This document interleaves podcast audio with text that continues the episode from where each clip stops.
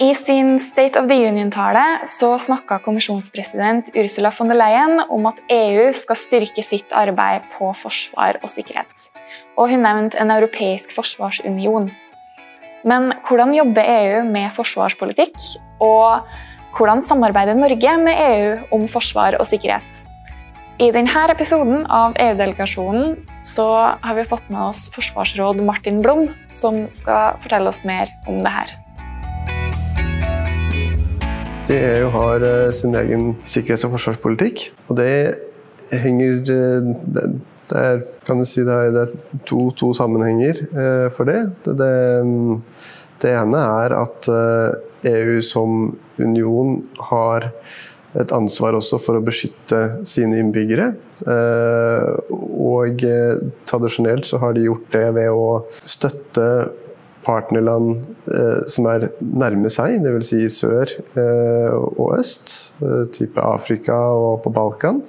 Eh, så har de da hatt en eh, forsvars- og sikkerhetspolitikk som har gått ut på å bruke sivile og militære operasjoner til å gi støtte til land rundt eh, sitt geografiske område. Eh, og da ved å stabilisere og styrke landene rundt seg, så har de kunnet sikre unionen og gjøre EU mer stabilt. Så det er den, det er den ene siden av det. Historisk eh, hvordan forsvars- og sikkerhetspolitikken til EU har vært sivile og militære operasjoner. Eh, og det andre er at for medlemslandenes del i EU så er det en del elementer av sin egen forsvars- og sikkerhetspolitikk som de ikke kan løfte på egen hånd. Eh, det vil si eh, at eh, det å, det å, ha et forsvar er f.eks. veldig dyrt, slik at det lønner seg å samarbeide om utvikling av forsvarsmateriell f.eks. Eller bare det å skulle prioritere hva, hva er det man trenger? Og at EU-land kan snakke seg imellom om hva som er de ulike landenes behov. Og da har EU satt opp mekanismer for eh, forsvarssamarbeid eh, mellom eh, landene, som inngår som en del av eh, paraplyen EUs eh, sikkerhets- og forsvarspolitikk. Men Norge samarbeider også med EU om eh, sikkerhet og forsvar? Det gjør vi, og det, det har vi gjort lenge, for så vidt. Det er helt tilbake til 2006. Da fikk vi en Og før det, for så vidt. I 2004 så fikk vi en, eh, en rammeavtale med EU eh, for å kunne delta, eller bidra til, i EUs eh, sivile og militære operasjoner. Sivile operasjoner kan være ting som brannslukningsaktivitet i Hellas, og så bidra med helikoptre til det, eller Eh, legemiddelteam osv. Eh, noe vi bl.a. gjorde i Italia under pandemien. Eh, og så har vi den militære de militære operasjonene, hvor Norge f.eks. tidligere har deltatt i en antipiratoperasjon utenfor Somalia. Og det tjente også da våre interesser, fordi at vi har skipstrafikk som går forbi der. Eh, så der var det en si, vinn-vinn-situasjon med at vi sendte en fregatt til en EU-operasjon. Eh, som da var med å sikre både EUs interesser, men også norske interesser. Og Det fikk vi i stand ved, ved, å ha en rammeavtale for bidrag til EUs eh, militære og sivile operasjoner, som kom i 2004. Og Så deltar vi også i EUs e forsvarsbyrå, European Defence Agency, som ofte er populært referert til som EDA. Der har vi en administrativ avtale, og i EUs forsvarsbyrå så samarbeider Det er et, slags forum for medlemslandene i EU til å samarbeide om eh, forskning og utvikling av eh, forsvarsmateriell, eh, og også å prioritere hva slags forsvarsmateriell er det man skal satse på og utvikle. Og til og med også Eh, kanskje til slutt anskaffe eller kjøpe sammen. Så man deler litt på materialet? Ja, man, man, bruker eh, forskere fra alle land og setter dem sammen og på en måte trekker på hverandre.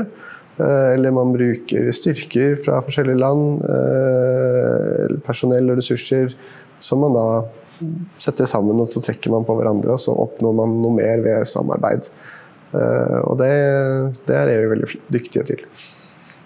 Kan du si litt om hvordan EU har utvikla seg som en forsvarsaktør? Det kan jeg. Det er jo det er, en, det er en ganske lang historikk, for så vidt. Så den har jo EU begynte jo ikke med å ha en eh, dedikert eh, sikkerhets- og forsvarspolitikk. Det er noe som er kommet til etter hvert. Um, tilbake i 2003 så kom EU med eh, en egen sikkerhetsstrategi. Um, som, som, nok var delvis et svar på, på 11.9.2001. Um, og den het A Secure Europe in a Better World. Uh, som sa litt om, uh, om hvordan de så på seg selv og hva de ønsket å få til. åpningssetningen var Never has Europe been so prosperous, so secure and free. Eh, det, da, det, gir på en måte en kontekst som er veldig optimisme. Eh, og den gangen så var det terrorisme og spredning av masseødeleggelsesvåpen særlig som var identifisert som trusler mot EU. Eh, som da EU følte at de trengte en sikkerhetsstrategi for å svare på disse truslene, hva de skulle gjøre for å kunne hjelpe til med å imøtegå terrorisme, f.eks. Ehm, og så er da EUs forsvarssikkerhetspolitikk er en politikk som utvikler seg veldig gradvis over flere år. Ehm, så fem år senere så kom det en eh, implementeringsplan som en slags oppfølging til sikkerhetsstrategien. Ehm, som da het eh, 'Providing Security in a Changing World'. Så der ser vi at det går fem år, og så er de ikke så selvsikre lenger. De ser at ting rundt seg forandres. Og eh, den forandringen den kom jo veldig sterkt på 2010-tallet. Først med eh, anneksjonen av Krimhalvøya, eh, som satte en støkk i EU. Eh, og så har du også brexit eh, som et bakteppe. Og i 2016 så kom EU med Eh, for dem et veldig viktig referansedokument. Eh, et sikkerhetspolitisk dokument som, som, er på en måte ankerfeste for EUs senere utvikling av forsvars- og sikkerhetspolitikk.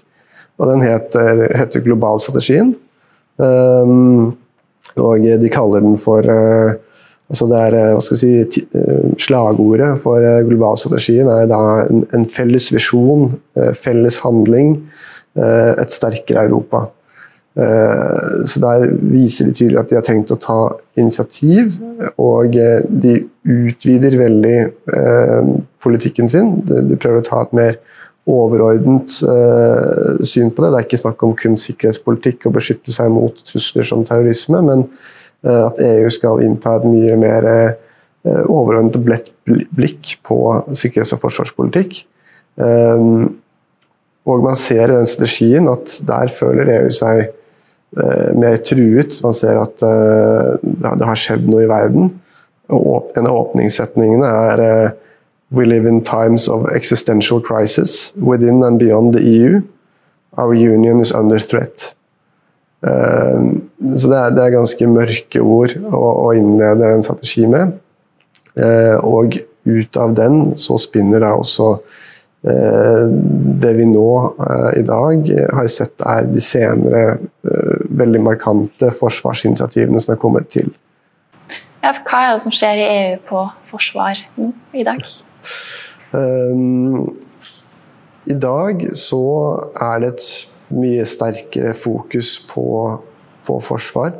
Uh, det er gått fra å på en måte være sikkerhetsstrategi tilbake i 2003 til 2016, hvor vi da hvor EU da ser mer overordnet og bredt på, seg, på, på hele det sikkerhetspolitiske og forsvarspolitiske feltet, eh, til at man i dag eh, skal ha en egen eh, forsvarsstrategi for EU.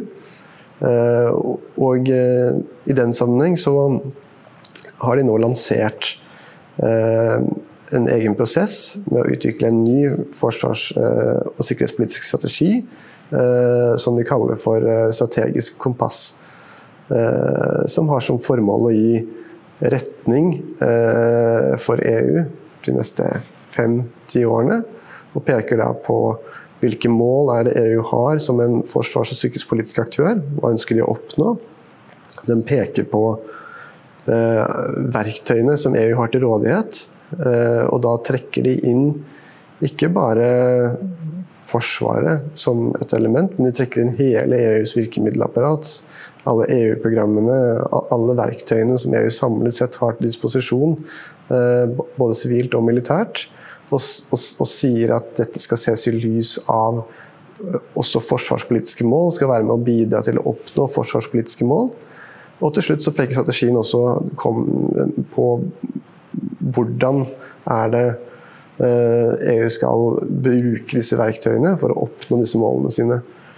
Øh, dette er en refleksjonsprosess som er pågående, og vi forventer at strategien vil bli vedtatt antagelig i mars eh, neste år, eh, under det franske formannskapet i EU. Kan du si litt mer om denne strategien, strategisk kompass? Medlemslandene har vært veldig aktivt involvert siden i fjor sommer. Det har vært et femtitalls seminarer eh, innenfor veldig mange forskjellige deltemaer. Og de har sagt en del om hvordan strategien kommer til å bli strukturert. Og den den da, blir delt opp i det de kaller fire søyler, eller baskets som de kaller det på engelsk. Hvor de da i sum omfatter EUs forsvars- og sikkerhetspolitikk. og de, de, fire søylene det er krisehåndtering, som innebærer da sivile og militære operasjoner. og så er det motstandskraft, eller resilience som de kaller det eh, her. Eh, som innebærer eh, det å styrke samfunnet mot påvirkning utenfra. På hybride trusler gjennom cyberangrep eller falske informasjonskampanjer det slike. Og kapabilitet, kapabiliteter, dvs. Si forsvarsmateriell både hvordan skal vi vite Hvordan skal man vite i Europa hva slags forsvarsmateriell som trengs? Hvordan skal det kunne tas fram? Uh, programmer for å faktisk utvikle forsvarsmateriell. Uh, og så sist, uh, og viktigst for oss, det er partnerskap. Hvor da EU ønsker å samarbeide med Eh, ikke EU-land, eh, der de har felles verdier og interesser, eh, for å oppnå først og fremst EUs mål, men også da samarbeide der det er i felles interesse. Og Norge samarbeider tett med EU innenfor alle disse fire søylene. Krisehåndtering, motstandskraft, kapabiliteter og da partnerskap. Ja, hvordan er det Norge samarbeider med EU på de områdene?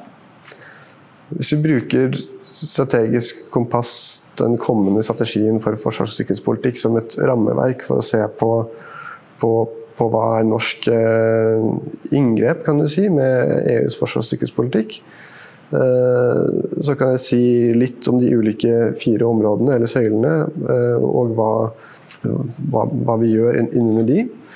Og for krisehåndtering, eh, som jo er EUs e sivile og militære operasjoner, så har vi jo da tilbake til 2004 eh, hatt en rammeavtale om deltakelse. Og vi har deltatt i mange av disse operasjonene, både sivilt og militært.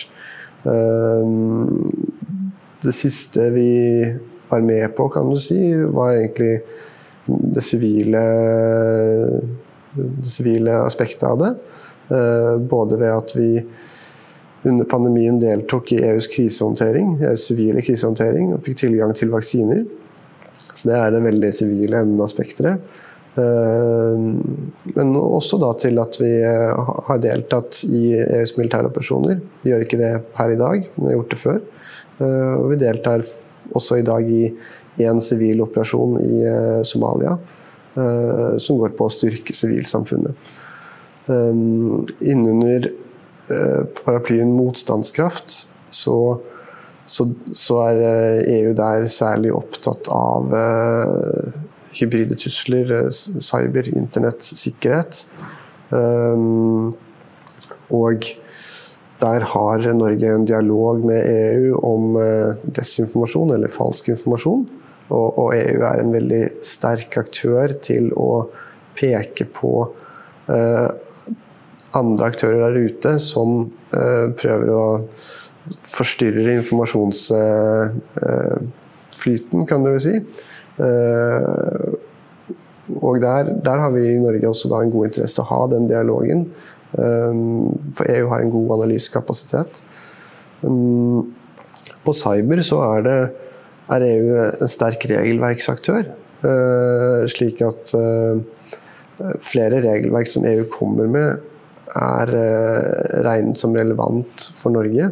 Det er ikke nødvendigvis slik at eh, vi implementerer dem gjennom EØS-avtalen, men allikevel så, så, setter det en standard eh, som gjør at vi har en sterk dialog med EU på, på, disse områdene for å følge med om hva som skjer. Og I tillegg så er EU også opptatt av å sikre tilgang til f.eks. hav og rom. Eh, og på rom så er vi en del av EUs romprogram og har vært med å finansiere og utvikle og deltar i eh, utviklingen av EUs eh, romkapabiliteter, kan du si. Og da tenker jeg på spesielt to programmer, Galileo og Copernicus. Galileo er tilsvarende GPS.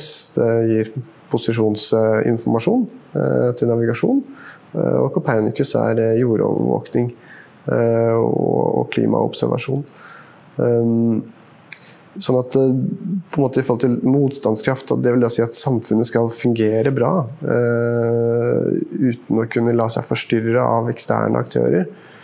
Så er det mange områder av det sivile samfunnet som EU da er med å trygge. Hvor Norge har en dialog på en lang rekke av disse ulike samfunnsområdene.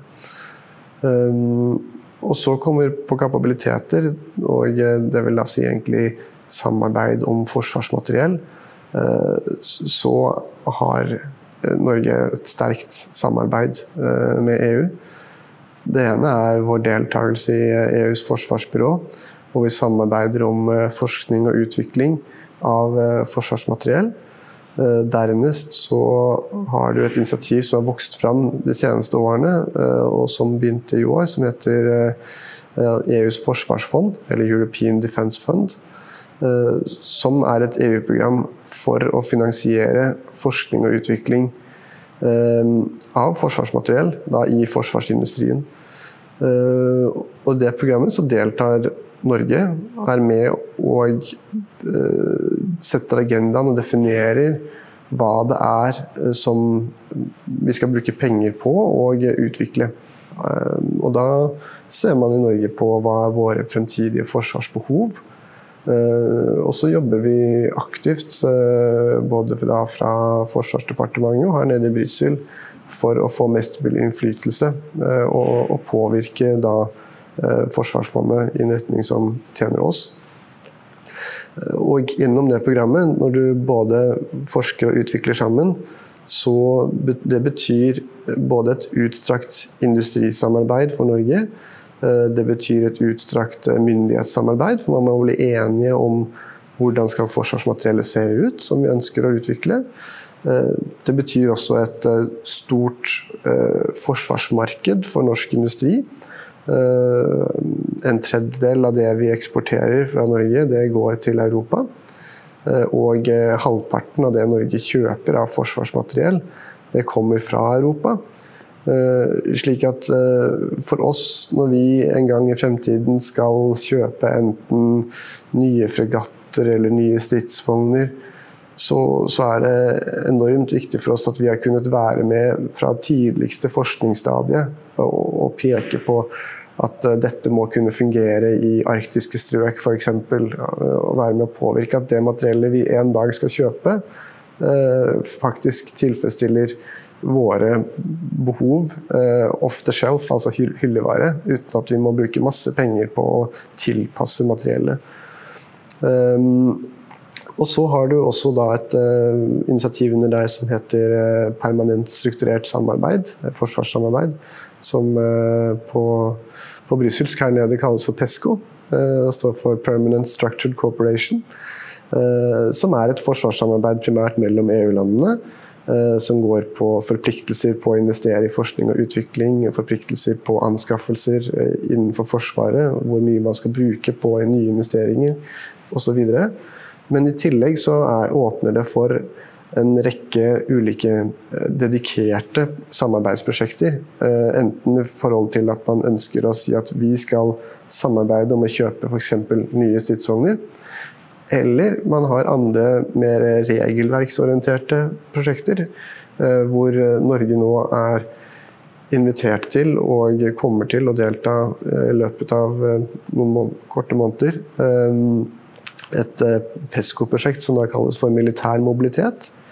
Som har til hensyn å se på alle de ulike regelverksordningene EU egentlig befatter seg med, som har noe å si for evnen til å forflytte tropper og materiell internt i Europa.